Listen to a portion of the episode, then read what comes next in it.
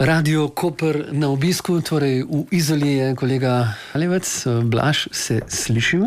Seveda, še vedno smo tukaj, ponovno lepo pozdravljeni, oglašamo se iz Izole, kjer tokrat gostujemo z rubriko Radio Koper na obisku. Modri drikač je tokrat postavljen na Belvederju, razgled na današnjo uh, regatno polje diplomatske regate je zares veličasten. Poglejmo podatke oceanografske boje, ki namigujejo, da bo današnje jadranje še kako diplomatsko. Morje 26 stopinj Celzija, v primeru, če bo kdo iz diplomatskih vrst padel v vodo, nedvomno se bo znašel pred dilemo, saj je morje toplejše od zraka. Zrak jih ima namreč 25 stopinj.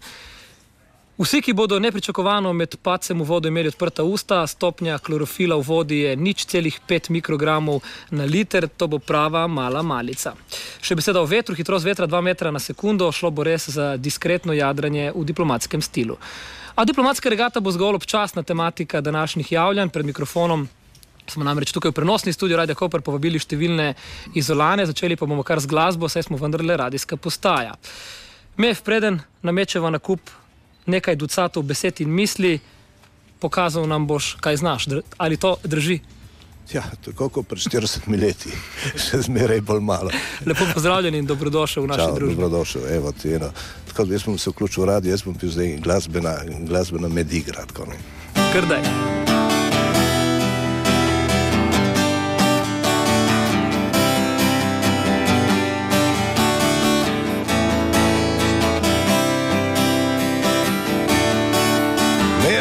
Je dišalo po zažganem fižolu, gasilci so hiteli proti hiši na pomolu, Marija odpri so sosedje kričali, ko so stari tramovi v ognju ječali. Aha.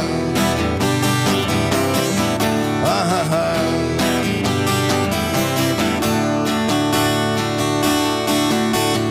Potem so sekiro vrata odprli, razbili so vsa okna in omaro podrli. Predalu so našli sliko spleteno, jezen moški objema, žensko veselo. Aha. Aha, aha.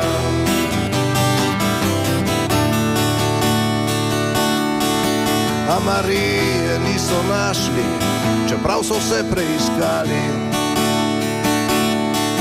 Spraševali so sosede, vse, ki so jo poznali. Marije niso našli, Marije ni bilo, ostal je von po fižolu in na stropu me bo.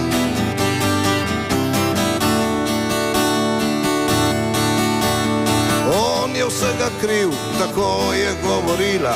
On je bil čudak, z njim sem se zamudila. In hišo spomola bom jutri zažgala, da je kriva, da nisem življenja spoznala. Aha, A Marije niso našli, čeprav so vse preiskali. Spraševali so sosede, vse, ki so jo poznali. Marije niso našli, Marije ni bilo, ostal je von po fižolu in na stropu ne bo. Marije niso našli, Marije ni bilo ostal je von po fižolu in na stropu ne bo. Para pa pa pa in na stropu ne bo. Para pa pa pa in na stropu ne bo. Para pa pa pa in na stropu ne bo. Ja, gonca, kakšen aplaus le. Si videl? Mev, zakaj je izola zakon? Izola, izola je Ker niso našli še Marije najbrž. Ma ne, Izola, Izola je zakon zato, ker jo vsi jo, vsi jo posiljujejo, pa še zmeraj nedolžna. Lepo si to povedal. Na kaj ste izolani najbolj ponosni? Mi, mi iz- Izolani smo, smo najbolj ponosni, jaz bom rekel, zdaj tako, kot ne čist najbolj čisto krvni izolani, vemo, ne, ampak ja. ja. moram reči, izolani smo najbolj ponosni na to, da, da nas še zmeraj niso uspeli posiliti. Kaj bi bilo najbolje kar takoj pozabiti? Najbolje je bilo pozabiti, eh, kapitalizem. Samo v Izoli ali? Na splošno bi bilo dobro, če bi ga pozabili. Mislim, jaz za začetek bi bil zadovoljen, da ga pozabimo v Izoli. Posebej liberalni kapitalizem, tak, kot ga imamo mi, tisto, ko pomeni nategant tudi prijatelja, če treba, ker to je uspeh. Namreč to je, čim je zavladala logika, tista, da je uspeh pomeni, da si, da si nekaj dobil več kot drugi in to na račun drugega, potem eh, mislim, ta sistem meni ne gre. Jaz sem vesel, reč vem, da, da jaz nekaj dobim, pa ti tudi dobiš, pa, pa tudi Belcijam, da dobi, pa da vsi, ki so tukaj, vsi nekaj dobimo. To je edina logika. Če mu pa en drugega tlači od reke, pa bo slabo. Mev, kateri so tisti kulturni dogodki, ki jih uh, v Izoli najbolj čislaš? Mo, čist, jaz v bistvu čislam vse, jaz sem rad vse, vse, kar se dogaja. Moram reči, da, da je to dobro, ker se dogaja, da dogajajo stvari, je fajn. Mislim, recimo osebno tako bi rekel, čist po. Po, mi je všeč, da ljudje pridejo zraven, kadar sodelujejo ljudje. Ne, da, ne da nekdo sam pride, pa nekaj postavi, pa reče: Zdaj pa vi gledajte. Ne? Ampak ko so zraven vključeni, uh, moram pa reči, da recimo, kaj sem v kinootok, mi je čist, se mi zdi fajn, uh, ne zaradi same sebine kinootoka, ampak zaradi tega, ker ga spremlja, zaradi vseh unih lušnih mladenk, ki pridijo mimo. Žena ni poslušala. Ne, neke nolovi niso našli frekvence še v ulici, pa, pa si upam to reči. Si ponosen na ribiški praznik? No, jaz nimam kaj biti ponosen. Kot izolan, seveda. Ribiški praznik je, ne, ribiški praznik je, je zanimivo. Ribič, ribičev, vsi pravijo, da ni ribičev, ampak ribiški praznik je še vedno tukaj ne, in, ve, in še vedno se, se, se ve, zakaj je ribiški praznik. Ne. Zakaj je ribiški praznik? Ribiški praznik je zato, ker je to, je, to je v bistvu ene vrste, ene vrste potrdilo, ne, da, so, da je to mesto bilo nekdaj zelo živo. Ne. To mesto je bilo industrijsko, ribiško, ribiško predelovalno najbolj razvito na slovenski obali, pa tudi v Istri skoraj do, skoraj do Rovinja. Ne. Tako da eh, Lej, mi smo imeli take fabrike od, od Rigonija naprej, da ti, da ti danes utrga gate. Danes, če bi jih imeli, bi bili srečni, ker bi zaposlili celo izolo. Mev, kaj ti v mestu daje največ navdiha za ustvarjanje? Največ navdiha? Vse. Dimnik. Ne, še od stare fabrike. Meni, meni je žal za dimnik, da ni uspel pokojni Benčič realizirati svoje, uh, svoje ideje, pa spremeniti v en moški ja. spolni organ. Mislim, da tisto bi sigurno bila atrakcija za, za celo regijo. Ne. Uh, nisi rojen izolan, če se ne motim, prihajaš iz postojne. Kdaj si prišel v izolo? Jaz, uh, prišel, sem, prišel sem 80, v, moram reči, še 79, sem bil pripričan, da nikoli ne bi živel tukaj. 80 sem prišel sem in sem rekel, nikamor več ne grem kot tukaj proč. Kaj vse se je spremenilo od tistih dni do danes? Kaj se je spremenilo? Marsikaj, mislim, se, spremenilo se je. Uh, duh se ni toliko spremenil, duh mesta, kot se je spremenila podoba mesta. Vsi smo postali malo boljši, malo lepši. Recimo, še jaz, še meni se pozna, tudi ti si lep, bistveno lepši, kot si bil pred desetimi leti, se spomnim. Vsi, vse, vse se je spremenilo, fasade so lepše, ceste so lepše, tudi lepše se obnašamo, ne pluvamo več po tleh. Včasih, včasih je bilo normalno, da si, da si, da si kupil žvečilni, pa si vrhu papir, tako da danes to, če kdo naredi, ga gledajo, kot, kot da je prišel z, vem, z Uzbekistana ali pa ne vem odkot. Ne si ne vem, če tam nečejo po tleh. No. Mev, kakšno bo izala leta 2020 ali pa 2030? Jaz upam, da ne tako, kot si jo zamišljajo tisti, ki so na oblasti. Aha. Lepo. Čeprav ne vem, kaj si zamišljajo, ampak ker malih poznam, pa si približno mislim, kaj si zamišljajo. Ampak zanima me bolj ta zornik, kakšna bo njena ustvarjalna moč. Lej, če, bo, če bo Izrael eh, znala, znala graditi na svojih ljudeh in ne na ljudeh, ki prihajajo sem s prepričanjem, da bodo nekaj, da bodo nekaj naredili, potem bo v redu. Jaz, jaz vsakeč znorim, ko mi prije kdo in reče: Jaz sem prišel samo, da nekaj naredim iz te izole. Rečem: Prosim te, lepo naj neč dela z te izole, pusti to izolo, ki bo že sama naredila za dosti. Ker ima, veš, to je tako kot Blaškovič je rekel: Molimo vas, ne morete nas vse oslobađati, ne dosta nam je vaše svobode. Tako je tudi teh rešiteljev na rabi, pa naj pridijo iz Portoroža ali pa iz Svetega Antona. Mev, človek, ki je skočil na izolsko pokopališče in potem ustvaril skladbo Oreste Dekuel, drži. Uh mhm. -huh. Ja, to moram spet preko, preko zapojem to, pa bi si moral povedati, da sem zdaj, da si me zvlekel dejansko iz uh, šalšijade, prve šalšijade. Točno. Tisto, in, je, in niste plesali salse, ne? Ne, ne, nismo salse, prej imamo šalšijado. Namreč, Kje jo imate mi, točno? V ulici, na, tam v ulici imamo v ulici. Ljubljanski in, je, in v E, namreč mi, mi zmeraj najdemo tako ne, nehote, kakšne variante. In to, kar je prišel nekdo in rekel, je ben, ti imamo nekaj 50 kg, paradajza, ki mi bo se gnil, ki ga nimam kaj narediti. Smo rekli, ne si bomo skuhali šalšo. In zdaj kar naenkrat on kuha šalšo in pa jaz sem ga izval. In zdaj imamo dvoboj šalša, bio šalša od Franca iz Kopra. In Koperske ulice, in uh, internet šalša od Mefa, ki je trenutno tukaj, in ne vem, kaj se dogaja z mojo internetno šalšo. Tam ulici, po mojem, bo po mojem bo zmagal Franc, ne, ampak samo ne smem priznati tega. Ne. Vsi vabljeni torej v Ljubljansko ulico. Ja, preneste pašto, preneste pašto, ker danes velja komplementarnost držati nad gladino. Ja, absolutno. Oreste dekvel za konec? Uh, ja. Oreste dekvel je, uh, je, jaz sem na to pesem, evo, sem pa kar ponosen, kako mi je ratele, jaz sem šel na pokopališče Izolsko in sem In sem rekel, da bom napisal zgodovino tega mesta in sem začel od začetka. Ne, sem v prvem delu pokopališča, ki je zdaj zaščiten, zgodovinsko sem našel, sem našel te, te napise, da je Ulči Gradi, Grasi, Karpeneti, Benvenuti in tako mhm. naprej. Ja. Potem za drugo, za prvim zidom so, so že prihajajo že naši, že iz strani in to je Antolovič, Baruca, Lakošelja, Bernardi. In potem, ko je pa še tretji del, naš sodobni, tam je pa že Babič, Bajraktarevič, Zenaro, Hrvatin, že mešano. Oreste je bil kipar. Oreste je bil pa kipar, ki je, je bil tisti kip, eh, ki je pa pred pokopališčem, to je kip Solidarnost, se imenuje, zelo znan kipar, on je bil veliki frajer, ne? on je bil učenec od Meštroviča.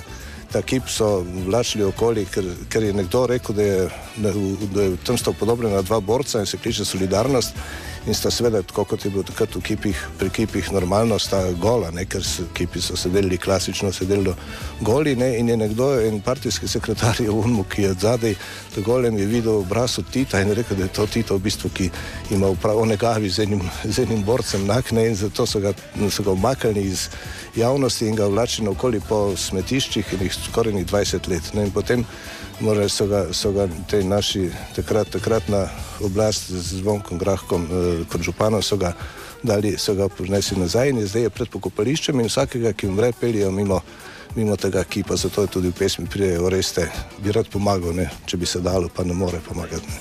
Prisluhnimo. Hvala lepa za obisk. Mi grede, to je, hkrati sem to pesem plasiral tudi kot poskus eh, eh, kriterija za, do, za, za določitev, to lahko dobi komunalni preves v občini Izola.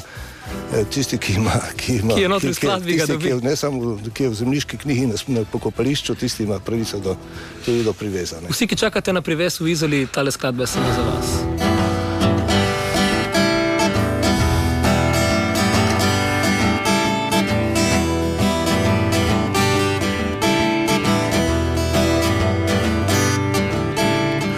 Dolci grete grassi, calpeneti benvenuti, Vascotto Zaro, Dudine, Bologna, Lorenzuti, Pugliese, Chicco, Parma, Delise, Marchesan, Drioli, Lipisau, Felluga, Russignan.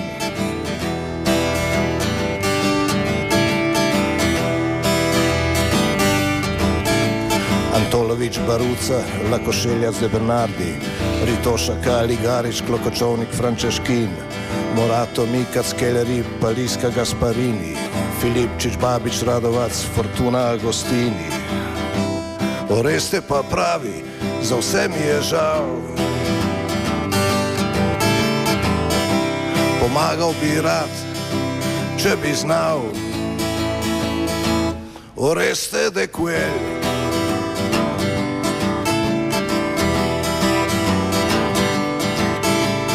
Babiš Baraktarevič, Zenaro Hrvatin, Zornada Kolatahi, Kleva Milanič Grižon, Kocijančič Petrič Markovič, Juriševič Kosmina, Popovski Božič Mužanič, Vudakovič Glavina. Oreste pa pravi, za vse mi je žal. Pomagal bi rad, če bi znal. Oreste de quel.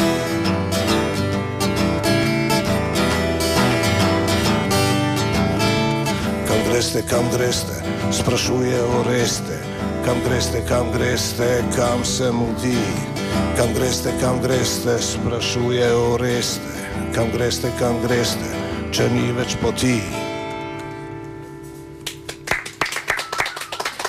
Tole je bil MEF. Če ne dobite komunalnega priveza, se lahko obrnete kar na en, morda vas doda v skladbo. Drži MEF? E, ja, mislim, skladba lahko je neskončno dolga, ne sem, sem večja kot zaliv. V redu.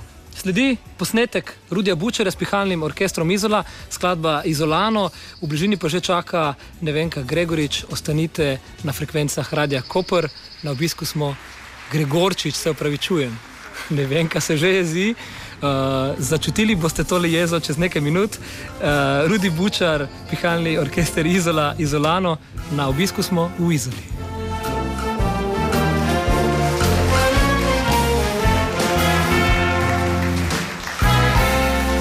Io sono un isolano, living in Chicago, in via Purple 17. Eating macaroni, fucking every morning, in via Purple 17. Non troverò più come te l'America che mi dava la cioccolata in mano. Troverò più come te l'America che mi dava la cioccolata in mano.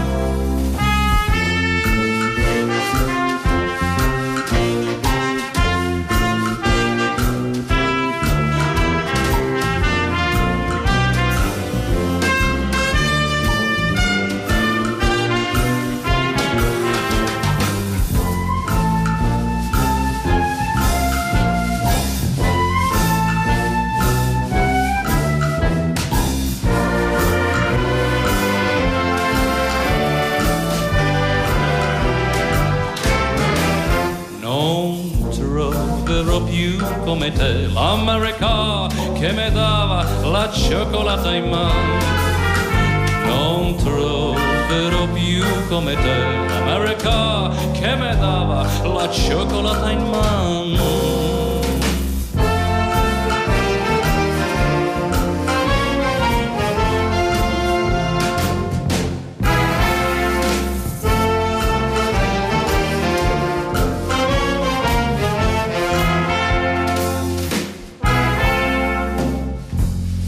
Io sono un isolano, living in Chicago, in via Purple 17, eating macaroni every morning, in via Purple 17. Non troverò più come te l'America che mi dava la cioccolata in mano. Non troverò più come te l'America che mi dava la cioccolata in mano, che mi dava la cioccolata in mano, che mi dava la cioccolata in mano. Ale pa. Radio Koper je danes na obisku v Izoli, v mestu z največ nadomestnimi volitvami, v mestu Ripolk in Vina, v mestu, ki ga mnogi cenijo po visoki bivanski izkušnji oziroma kvaliteti življenja. Ali se nad kvaliteto življenja v Izoli pritožujejo živali, pa bomo pobarali znano izolanko, ne vem, ko Gregorčič, ne vem, kaj pozdravljeni. Dan, želim. Ali se pritožujejo kaj živali? Ja, seveda, pa ne samo v Izoli, povsod se pritožujejo. Velika kriza je v odnosu do, živalih, do živali, velika kriza. Na to temo, na temo živali se bo vrnila kasneje. Pričniva raje s kulturo in Centrom za kulturo, šport in preditve, kjer si služite vsakdanji kruh. Vem, da imate radi živali, vendar ali je kultura v Izoli na psu? Mogoče na mački. Ne recimo, da ni tako na, ja, recimo, da ni tako na psu, da je na mački, ampak tako bom rekla. Ne vem, če je na psu kultura. Uh, so spremembe, sigurno tudi zaradi vem, zunanjih dejavnikov, zaradi pomankanja denarja, zaradi mogoče, da ljudje pač razmišljajo, kako si bodo kupovali hrano, za igre in pa zmanjka denar. Ne? Mi smo imeli letos vseeno, bom rekla tako, ne najbogatejša, ampak kar znosno poletje s prireditvami. Jaz sem itak pristaš malega, pa dobrega. Ne? Tako da je bilo nekaj dobrih koncertov, nekaj dobrih odzivov. In sem seveda, če nisi bil tisti trenutek tam, si rekel, v izoli se nič ne dogaja. Kateri so po vašem mnenju ključni kulturni rekel, dogodki ali pa prireditve, ki ime izole nekako eh, nosijo v svet? Ja. V svet, v slovenski svet, eh, izolo nosi ribiški praznik, uh -huh. to je dejstvo. Ne? Čeprav seveda ime, ima ribiški praznik od tega, je kar nekaj oddaljen. Ne? Ampak recimo, jaz mislim, da z malo dobre volje bi se dalo ta koncept spremeniti in mu mal povrniti tiste bivše slave, kljub temu, da ni, nismo več v Jugoslaviji, ni več mornarice, ni več ribičev, ampak mislim, da bi se dalo. Samo seveda, to je projekt, na katerem moraš delati precej časa in to ne samo dva, tri ljudje. Ne? Je mal, mal večji zalogaj. Kaj, kaj je tisto, kar najbolj uh, pogrešate pri ribiškem prazniku? Upam, da ne ribe. Ne, rib je zaenkrat kar dovolj, no, mislim, je kar v redu. Ja, pogrešam vse tisto, česar ni več vse tisto, kar je včasih bilo. No, jaz nisem preveč pristaš takih masovnih prireditev. E, čeprav zgleda, da ribiški praznik mora ostati v tem konceptu, saj mislim, želja je vseh. No, tako. Čeprav ne vem, 40 tisoč ljudi e, kritizira ribiški, potem jih je pa 40 tisoč na obisku v izoli. Tako da vseeno mislim, da ima kar nekih pozitivnih, neko druženje, ne vem, nek, neka nostalgija, ko zavohaš srdelice žara, pa se mogoče spomniš, aha, kako kako je bilo to pred 20 leti, 30 in tako naprej. Kje obstaja v Izoli neizkoriščen uh, potencial, kar se, kar se naše kulture tiče, se pravi, bom rekel, uh, kulturnih prireditev, uh, dejavnosti na splošno? Neizkoriščen potencial, to bi težko zdaj rekel. Jaz lahko govorim zato, ker mi počnemo, recimo, ker imamo našo redno dejavnost v kulturnem domu, ki se odvija recimo uh mhm. -huh. od, eh, od, zdaj že od septembra, pa tam nekje do konca junija in imamo v glavnem, imamo gledališke predstave za otroke, za, uh, za, za odrasle, imamo koncerte, imamo klubske prireditve, organiziramo organizirane obiske za vrtce, za šole, oddajamo dvorane, imamo predavanje, tako da to, tega je zelo zelo veliko v izoli. Ne, seveda, zdaj, če pač nekdo ne hodi, ne prebira, reče, ni nič. Uh mhm, -huh. Mhm. Drugače, pa recimo te zunanje prireditve so se že pomaknile v april, konec aprila, ker se začne sejmom starin, velikonočen, ki je odlično obiskan in mislim, da je tudi že zelo dobro poznan širši okolici, pa tudi že čez meje. Drugače pa jaz sem kar pristaš tega, ne, da uh, je veliko prireditev, čeprav recimo ni samo to pokazatelj, ni samo to dovolj, da privlečeš turiste. Ne, ne vem, če bi bila jaz gospodari, gospodarica izole, ne, bi mogoče to mal drugače uredila. Se kar neki prireditelji bi tudi te sklope prireditev drugače umestila, ne, tako da so lahko tudi drugi prireditelji. Imamo kar neki prostorov prizorišče, prav ne toliko kot v Kopru, ne? ker bi se recimo to dalo izvesti take in drugačne zadeve. Ampak seveda, mislim, da se zmeraj ustavimo pri denarju, žal je tako. V Izoli se veliko govori o primernem prostoru za kulturnike. Vemo, da je kulturni, zob, kulturni dom pozobal zob časa. Uh, morda kaj na to temo? Ja, jaz mislim, da kulturni dom v kratkem ali v dolgem, ne, mhm. bojim se, da bolj v dolgem mora biti narejen. Mislim, če želijo imeti v izoli neko, reka, neko stavbo, kjer se pač zadeve dogajajo, naš kulturni dom je že skoraj mal, bom rekel, tako nevaren no? in je pomankanje prostora. Mislim, mi bi mogli imeti najmanj pet dvoran. Tako pomankanje, tako popraševanje za razne dejavnosti, tako da to je že kar precej utesnjeno. Zdaj, kako se bodo odločili pristojni, ne vem, se treba pač, mislim, da odločiti, da ali ne, bo ali ne bo. Ne vem, kaj kljub vsem težavam je delo v kulturnem svetu vendarle prijetno. Kateri so tisti trenutki, ko domov prihajate najbolj eh, zadovoljni? Ja, prav gotovo, da so dvorane polne in da vidiš ti uh, zadovoljne obraze in rečeš, super, super je bilo še kaj takega. Ali pa recimo zunanje prireditve, kjer res ni pomankanja ljudi je mogoče tudi to zaradi tega, ker recimo poletje ni vstopnine, pa tudi drugo vzdušje ne prideš. E, ljudje so postali zelo kulturni, tudi če jim recimo kakšne zadeve ni všeč, ostanejo do konca. Mislim, ni več takih, bom rekla, neprijetnosti, kot so bile na začetku, ko so rekli, ja, kaj težki feca in so, mislim, ropotali stoli, odstali in odšli. Ne? So ljudje se že mal, tako bom rekla, učijo. No? Im je že mal nerodno, če publika, bom rekla, tako kulturna, ne, da sami ne izpadejo nekulturni. Uživali so tudi ob koncertu pihalnega orkestra Izola, portret Carlosa Santane. Radio Koper je tole snemal v kulturnem domu, se še spomnite tega? Ja, ja jaz bom tako rekel, da sem bila tudi sama presenečena nad našim pihalnim orkestrom. Nisem prav fejs presenečena, ker so, mislim, da so dosegli res en tak nivo, da mislim, brez sramu grejo lahko kamorkoli. Tudi na Radio Koper. Tudi.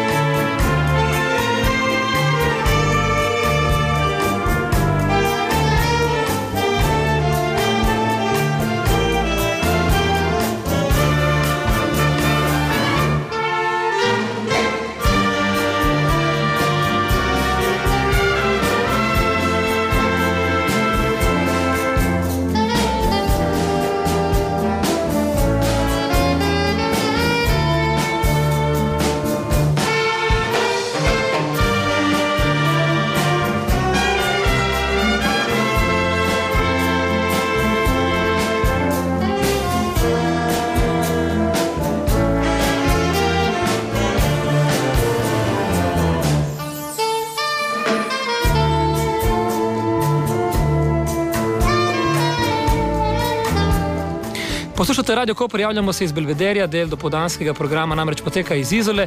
V prenosnem studiu gostimo Nevenko Gregorčič, kulturnico, pa tudi zaščitnico živali. In ravno na to temo bova sedaj le spregovorila stavek 2.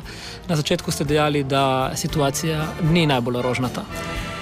Ja, no, zdaj bom tako rekel, pač, da naše društvo skrbi za zapuščene in zavržene muce. Ne. To področje je sigurno najštevilčnejše in bom rekel tudi zelo težko obvladljivo, ker muce so prav posod, vsi jih preganjajo, e, recimo lasniške muce. Mi smo ogromno živali sterilizirali, kastrirali, bolne smo humano uspavali, ogromno smo jih oddali. Gledamo pač, da dodamo zdrave in prijazne živali. Po različnih kolonijah e, smo te živali sterilizirali tako da se je število drastično zmanjšalo. Ampak zdaj v zadnjih dveh letih opažamo, da ogromno, ogromno uh, je odvrženih domačih živali, se pravi, ne dajo uh, muc sterilizirati ali pa jih kar postavijo z mačko, z mamo in z mladiči v škatle, v kontejnerje, v vrečkah in tako naprej. Mislim, ne bi naštevali, ker ni prijetno to slišati. Ne? Samo mi smo pa prostovoljci in je to grozljivo, ne? to si nihče ne predstavlja kakšno nehvaležno delo je to, koliko je odrekanja in eh, koliko tudi psihičnih tortur in tudi pritiskov različnih ljudi, ki se ne zavedajo, da ti od zavrženim živalim moraš pomagati, ne jih pa še preganjati. Nekateri pravijo, da pretiravate, da za to vrstno varstvo da so zadolžene javne službe. Kako jim odgovarjate? Javne službe. Katere javne službe? Recimo higienik, ki mora včasih higienik, uh, si ga recimo poklical, govorim še pred leti, pa je prišel po muco, najdeno, pol kam so odpeljali, ne vem, ampak zdaj je higienik samo za uh, uh, mrtve živali, pa še uh mhm. -huh. to v bistvu ne pride, mi tudi vse to počnemo, česar ne bi smeli. Azila za muce pa ni. In azil za muce se mora čim prej vzpostaviti. To spet ne pomeni, kot si nekateri predstavljajo, da bo to tam tisoč muc. Samo najdene muce in naša želja, močna želja je, da jim čim prej najdemo dom, ker ne želimo zbirati živali na kupu, ampak jim najdete dom dobri gospodari, ker se bodo te živali, ki imajo grde usode za sabo, dobro počutile. V Izoli ste imeli nekoč tudi poligon za pse. Je sploh potreben? Ja, zdaj jaz to, o tem ne bi kaj dosti vedela, ne? ker mhm. se psi se pač. Ukvarjamo samo v toliko, da če jih najdemo, jih pač odpeljemo v azil ali pa kličemo azil, pa pridejo iskat. Ne? Samo zaradi nje bi bil včasih uh, celo mačka, zaščitnica živali in kulturnica Nevenka Gregorčič. Hvala lepa za obisk v studiu. Od zadaj že čaka Bine Pišlar, naš naslednji gost. Čez nekaj minut, takoj po skladbi skupine Pudding, Pudding Fields, pa javljanje iz regatnega polja diplomatske regate. Gremo.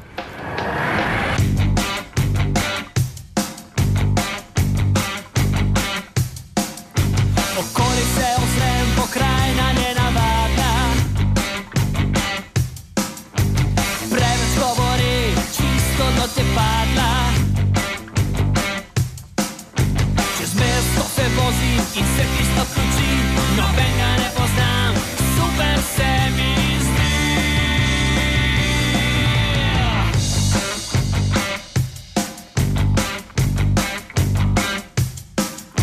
Srebrna krogla nad mano se obrača,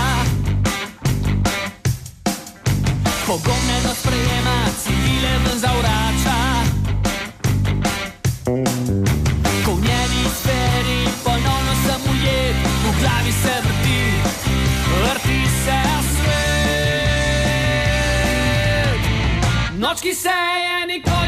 nikoli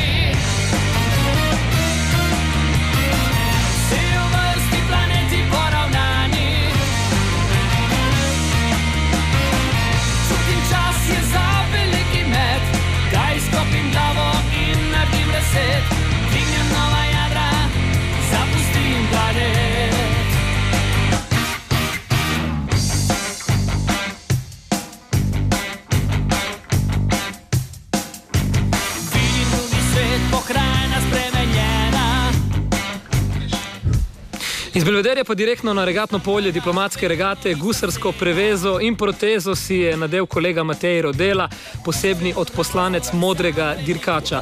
Matej, čeprav vidim iz hriba, zdi se mi, da vam slabo kaže. Blaž, pozdravljen, Eh, moram te takoj popraviti, ne kaže nam slabo, saj se regata sploh še ni pričela. Sploh pa bi za jadrnico, kakršna je Maxijena, vse drugo kot zmaga bilo nespremljivo. Eh, Start regate bo ob 13. in da sedaj posadka ravno kar dviguje glavno jadro. Kakšno je vzdušje na morju, ali vsi tako pridno trenirajo kot vi? Sedaj le gledam, mislim, da ste vi edina večja jadrnica v zalivu. Ja, kakor lahko tudi sam vidiš z Belvederja, je vreme odlično, piha rahel veter in na regatnem polju se že zbirajo nekatere tekmovalne jadrnice, ki bodo tekmovale na deveti diplomatski regati. Posebnost te regate je to, da je na grobu vsake jadrnice, ki tekmuje, diplomat.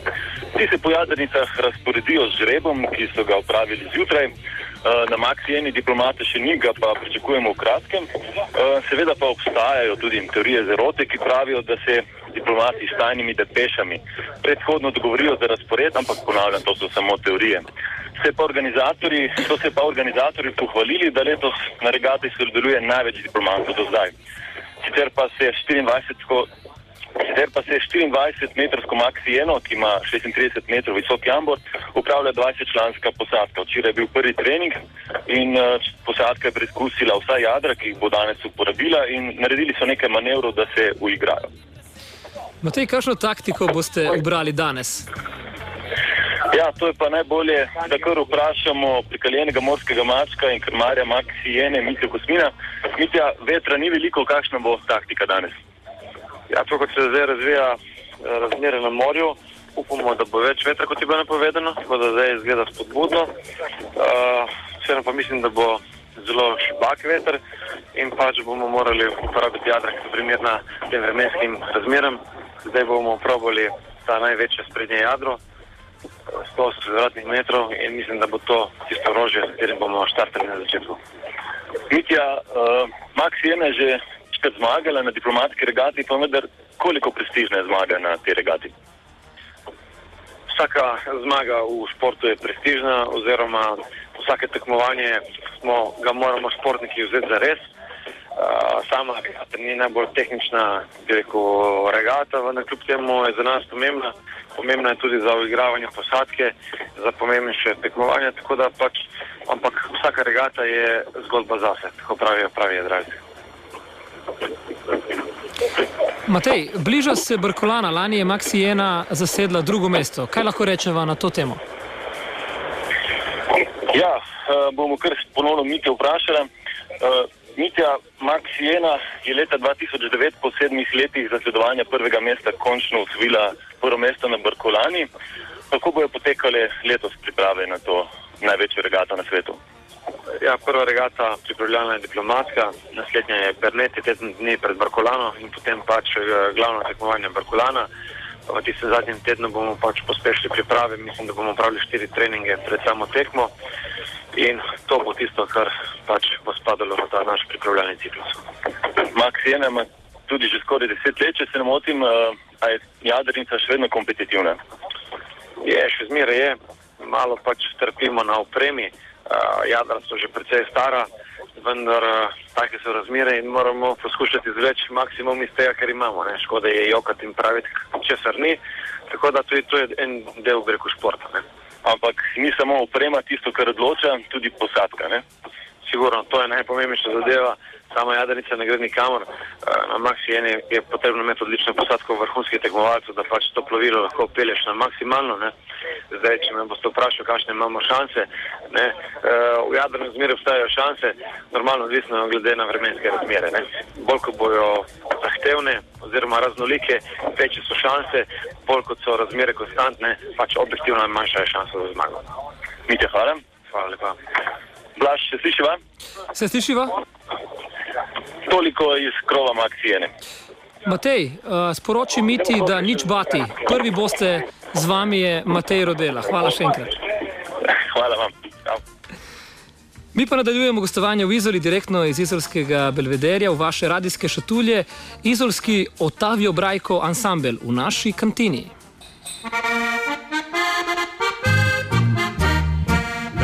Naši kantini smo zmeren kontenti, obsodih je brenti, nam je lepo. Grla so suha, ku naše štirne, narave smo mirne, ležejnih tu. Teče poško je malvazija, te alegrija je smiren doma. Sodih so nota je melodija, brez kompanije živeti se ne da. Sodih so nota je melodija, brez kompanije živeti se ne da.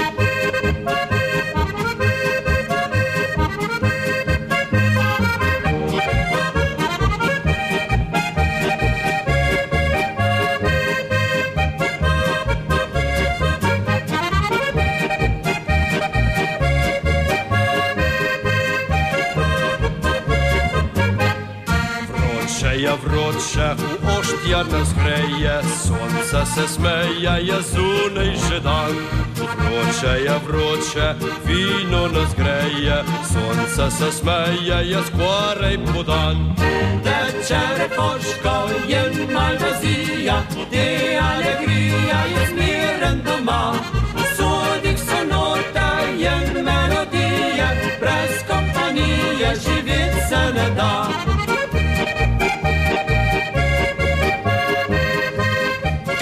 Prisluhnili smo javljanju iz regatnega polja diplomatske regate, nautično vzdušje pa v Izoli ostaja tudi prihodnji teden, ko bo Izola gostila Slovenijan Boat Show. Kratek intervju z organizatorjem Matjažem Francetom je opravil Vlado Bandelj. Prisluhnimo. Teče repoško, je malvazija, te alegrija je smiren doma.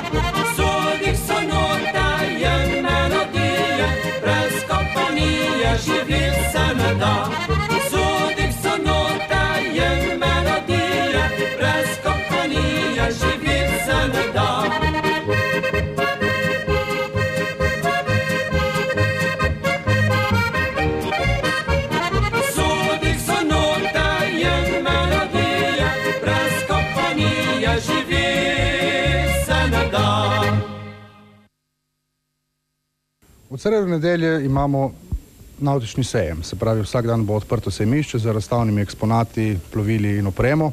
Vsak dan odpremo ob desetih, v sredo in četrtek in v nedeljo zapremo ob šestih, v petek in soboto smo odprti, je sejmišče odprto do sedmih zvečer. Uh, Čisto na kratko po dnevih, v sredo bomo imeli uradno otvoritev ob 12. zvečer, imamo prvi koncert na Manceljevem trgu, kjer bo nam zapel in odigral Rudi Bučar.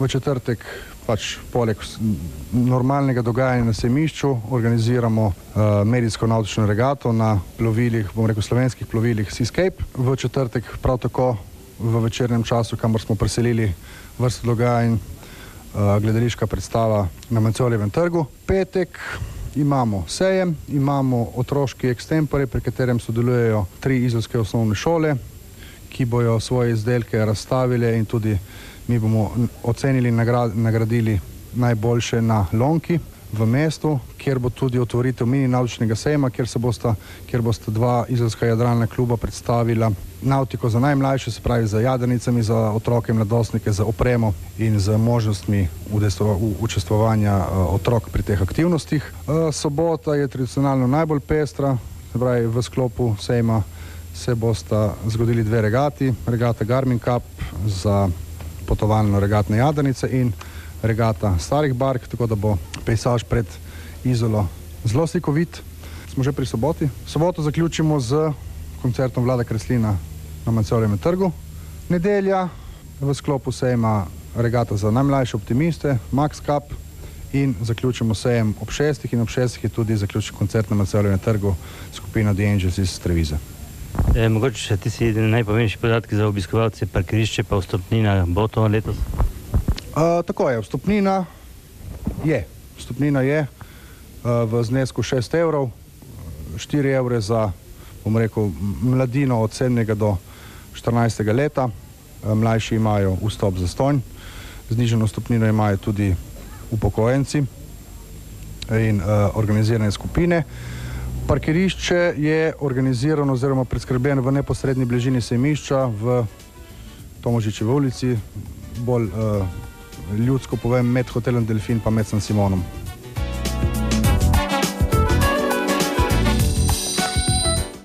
Govorili smo o kulturi, sedaj je čas za šport. V Izoli so doma vrhunski športniki. Tonči Žlogar, Vasiliš Bogar, od Muhni, niti Bine Pišlar, ki je na svetovnem mladinskem prvenstvu v veslanju leta 2003 postal svetovni mladinski prvak. Nanizal je še vrsto drugih uspehov, ravno prav, da ga lahko gostimo na Radio Koper. Lepo pozdravljeni. Dober dan. Bine Izola, majhno obmorsko mestice, pa toliko vrhunskih športnikov. Kje je skrivnost? V, v, skrivnost, kaj znam, kje je skrivnost? Mogoče eni smo trmasti, zato je dosti dobrih veslačev nam je predvsem potrebe dosti trme, ostali smo pridni, mrljivi in duh, duh izolja, pač kot občine. Ali pomagajo ribe? Ne vem, ni, ni jih najbolj moja prehrana med športom bila, tako da ne, ne, ne bi znal povedati. Kakšni so pogoji za športnike tukaj v Izoli? Tako bom povedal, uh, za veslanje, za vrhunski šport, za dosegati pol na, na članskih svetovnih prvenstvih, uh, je morje zelo, zelo slab slab, slab da jim rečem, pogoj. Predvsem gre uh, naša sezona, oziroma naše vrhunec sezone je v koncu avgusta. Če pa pomislimo, da se kopalna sezona, pa vse te turistična sezona v juliju in avgustu je na vrhuncu, vemo, da to ne gre skupaj, ker z barkami, s kopalci, ki plavajo, je težko se pripraviti dobro, oziroma dobiti mirno vodo. Bi kdo je po vašem mnenju največji izolski športnik, koga najbolj cenite? Uh, tako bom rekel, nikoli nisem, nisem dal enega na prvo mesto. Če bi gledal po medaljah in po, po uspehih, ki jih je imel, jaz mislim, da uh, vsaj za samostojno Slovenijo je Vasiliš Bogar daleč pred njačjo, predvsem. Uh, zelo veliko spoštovanja imam do vseh športnikov, pa naj, bojo, doseg, naj so v tretji ligi, naj so v prvi ligi, sploh ne igra vloge, naj so na vrhunskem nivoju, tudi rekreativce. Vsakega, ko vidim, da samo teče, je, ima, zelo, ima veliko spoštovanja z moje strani, ker vem, da se trudi, da nekaj dela. Tako da mi je všeč ta, da vzgajajo športni duh. Ste še član uh, veslaškega kluba Izola? Še vedno. Še vedno? Še vedno tudi treniram. Odlično. Kakšni so spomini na leto 2003? Dva, no, tako moram še popraviti, uh, dosti krat je napaka. 2003 je bilo član, člansko svetovno prvenstvo do, do 23 let, kjer Aha. sem zmagal. Uh, potem pa smo zaradi tega, ker sem dobil medaljo za nagrado, me niso poslali na dopust, me poslali še na člansko prvenstvo, kjer sem bil četrti. In, uh, če bi danes se spomnil, če bi danes lahko prišel, bi mislim, da po svetovnem prvenstvu do 23 let šel na dopust in ne šel še na člansko. Ampak še dobro, da sem tako naredil, ker sem dosegel na četrto mesto, ki mi je prineslo ogromno izkušenj. Eh, tudi zelo lepo sem se imel, vključil v reprezentanco, bila je ena dobra družba. Tako do 23 let, kot na članski reprezentanci. Uno leto sem tudi na obeh svetovnih prvenstvih bil v, v sobi, uh, z rodelo, ki se javlja zdaj iz jadralskih vod.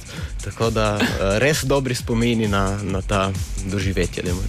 Kaj pa jadranje, te ne mika nič?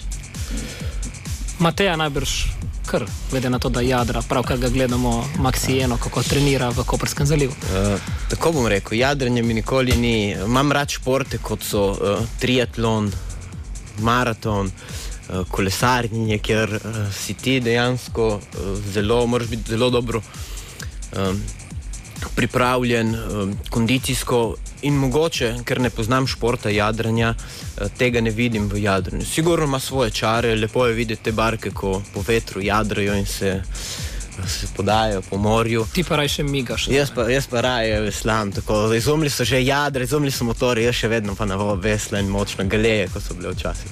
A, S klubom ste povezani že od samega začetka. Kako se spominjate tistih prvih dni?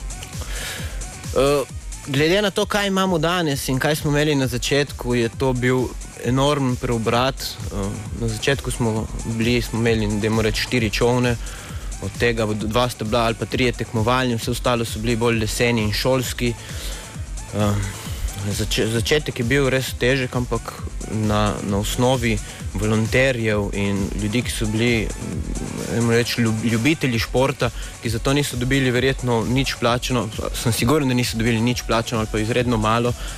Uh, smo ustvarili ali pa so ustvarili en klub, ki je danes, jaz mislim, da uh, spoštovanja vreden, velik klub. Imamo tudi um, čovne, recimo, da reči temu vozni park, zavidanja vreden tudi na slovenskem nivoju. Um, malo mogoče je upad v športnikih, oziroma veslačih, ampak tle, tle, tle bi tudi rad povedal, da se je Center za, za kulturo in šport In prireditve. in prireditve tako, uh, zelo potrudil in želijo tudi z jadranjem ustvariti, v tem smislu, da sta to dva športa, ki bi jih mogel vsak izolan poizkusiti. In s petimi in šestimi razredi imajo v mesecu septembru um, v okviru šole organizirano uh, vadeno vodbo veslanja in jadranja. Tako da tle je tudi en premik naprej, ki bo morda uh, pripomogel k temu, da se bo šport, kot je jadranje, veslanje, razvil v Izoli še bolj. Za vse mlade izolane, ki nas poslušajo, kaj jim priporočate, kateri je pravi izolski šport? Jadranje, veslanje. Tako ne bom, ne bom priporočil, ne bom usmerjal nobenega. Uh, Dajmo reči, najbolj povezani smo z morjem, prav uh, jadralci in veslači. Uh, Nogomet pa je tako in tako, se mi zdi najbolj priljubljen šport. Zdaj pa tudi rokomet, dajmo reči, so prišli naši uh, fanti ali pa naši športniki, rokometaši v prvo ligo, kar je čestitke vsem fantom za trud. Glede na proračun, ki ga ima Izola, glede na proračun, ki ga ima uh, rokometni klub, mislim, da to je bilo neka vrhunska, mogoče za kakšna svetovna uh, rezultat, svetovni rezultat. Vrhunska zgodba, možna samo v Izoli. Tako, tako. Hvala lepa za pogovor. To je bil Bine Pišlar, ki je Hvala brez dvoma zaznamoval šport v Izoli. Hvala vam. Naslednji sogovornik je še kako poznano ime v Izoli, z nami je Silvano Sav. Lepo pozdravljeni. Dobar dan. Zdravo. Silvano, imate še občutek, da je to ribiško mestece ali imate morda občutek, da je to mesto, kjer se išče parkirno mesto? Je, je eno in drugo. Bolj eh, parkirno mesto kot pa ribiško, sigurno. Eh, če ne mislimo na eh, zgodovino. Bi samo popravil, pa eh, prej, ko si govoril o dosežkih športa v Izoli, eh, čisto sigurno se strinjam z predhodnikom, da veslanje je to pravo, je tudi ta pravo, ki je prineslo prvo zlato olimpijsko medaljo v Izoli leta 1924 na eh, olimpijadi v Amsterdam. Četverec Z je prinesel zlato medaljo, tako da čisto sigurno je veslanje eh, izolski šport vse skozi vsa ta leta. Silvano, na kaj ste vi najbolj, uh, bomo rekli, ponosni kot izolan? Na to, da sem izolan. In to je to. In to je to. Kaj pa gre? Ne moreš biti spremeniti? drugega. Jaz sem, eh, se ne motim, v enem zadnjem eh, intervjuju nekomu povedal, da tisto, kar manjka današnji politični, deloma tudi kulturni garnituri izole, je ravno ta občutek, da ne vidijo vedno v izoli svojega doma, svoj dom. La propria casa, home, home, Mhm. not house, but home. Ne, Home in- sweet home. Jeste, ampak eh, ta občutek, da verjetno eh, svoj dom vidijo nekje drugje in zato verjetno tudi eh, nastanejo določeni problemi v izoli, ne, ki eh, se odražajo na politično življenje, kulturno življenje, občinsko življenje in tako naprej. In tako naprej. Kaj gre v Izoli spremeniti? Kaj vam ni v ponos? Poleg tega, kar ste zdaj dejali. V Izoli to, da že nekaj eh, let ali desetletje ali, ali, ali eh, nekaj desetletij čeplja vedno na enem in istem mestu. Mislim, tisti duh razvoja, eh, se mi zdi, da se uporabi besedo trajnostni razvoj. To se pravi, ustvariti mesto eh, po meri občana. To se pravi, da vsak, ki živi v Izoli, se mora čutiti dostojno, se mora čutiti primerno, se mora počutiti, da je doma. No, in mislim, da je to še vedno v zadnje čase, zadnjih nekaj let in desetletij v Izoli manjka. Mnogi ne vedo, da ima Izola, bogata, da ima Izola bogato dediščino. Kaj bo dejala na temo izolskega statuta iz leta 1360? Izola je imela svojega statuta že pred. Ta je, Nekateri dokumenti segajo ta, celo je, ta ne? je zadnji, ki je očuvan. Uh Mhm. -huh. In uh, čisto sigurno je leta 1360. Izola pa je imela uh, komunalno, če lahko to ko rečem, organizacijo že v 13. stoletju, spravi leta 1250-1253, ko se je uprla eh, ogeljskemu samostanu, je že imela občinsko garnituro, je imela podestaje, je imela eh, notarje, je imela odvetnike in tako naprej. In tako, naprej. tako da je eh, v okviru tedanje prakse severnega Jadrana, Istre nasploh, tako da Izola je nekje prednačila. Izola je imela prvo javno šolo, tretja na tem območju leta 1212. Recimo prihodnje leto eh, bo okrogla letnica, kolikor toliko okrogla. Me zanima, ali se bo kdo spomnil, da leta 1212 javna šola, to se pravi, občina je financirala šolo, seveda ne v današnjem smislu, ampak kjer so se učili ljudje brati, v latinščini seveda takrat brati in seštevati, če ne drugo.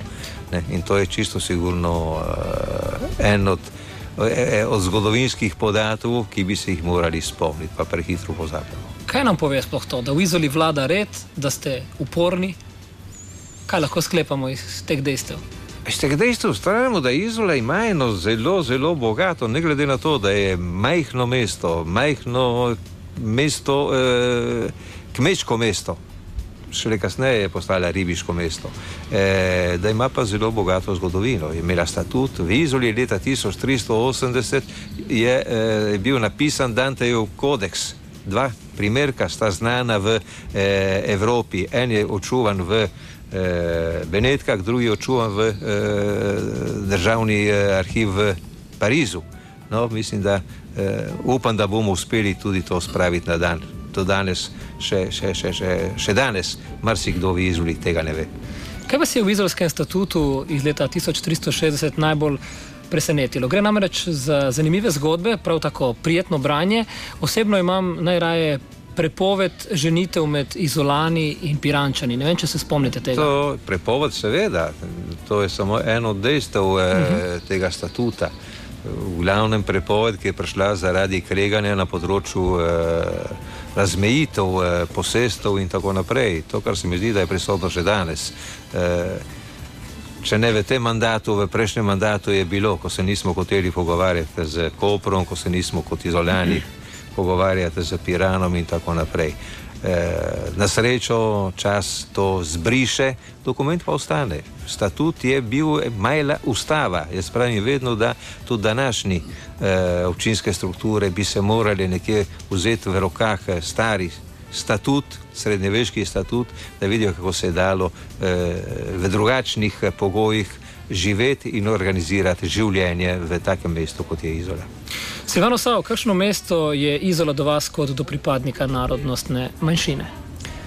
Veste, moram uh, priznati, da uh, Slovenija zadnje čase veliko popušča na tem področju.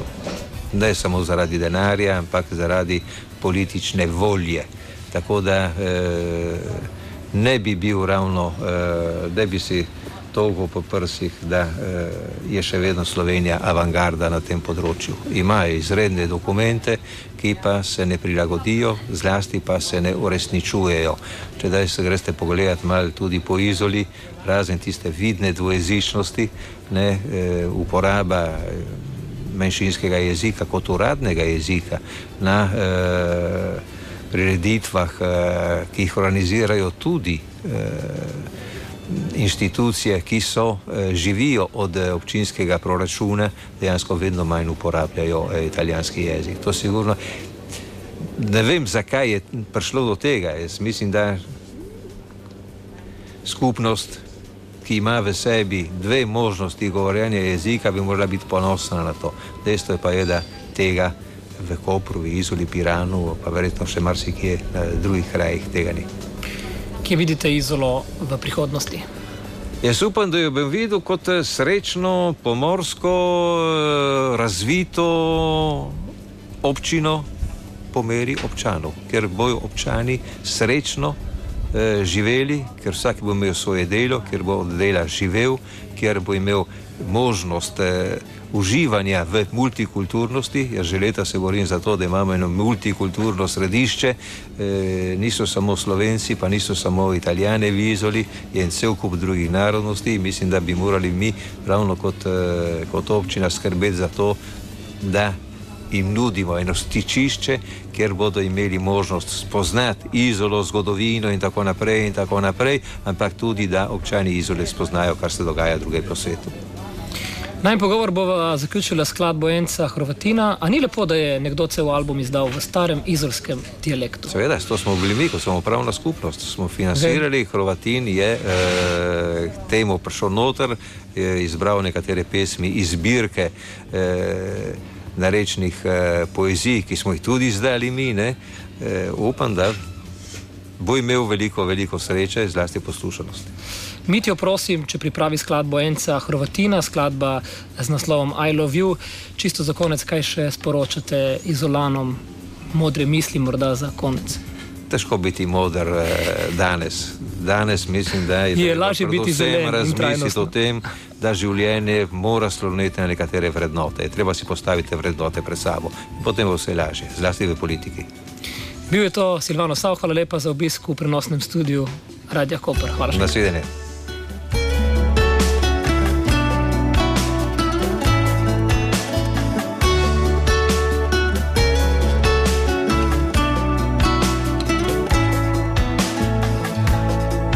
Una sera de piova, ma tanta piova che l'asse mescolava con le mie lagrime, scorrendo sopra il viso, facendo canali in telerughe. Camminavo col passo di chi non sa più dove andare, in un bel parco del nord. In tel fango ho visto un punto bianco, un piccio orsetto con un cuorisino rosso, lo golava e su ga, dopo ho visto che il ga, un botton per fracar. Sotto il cuorisino e che il fa una musichetta dicendo I love you. I love you. Se passa tanto ma tanto di quel tempo che nessuno mi disi più te amo. Così adesso me lo porto sempre drie ogni volta che voglio che sento il bisogno de coccole. Strucco il bottone e lui mi disi sempre con una voce sai strana.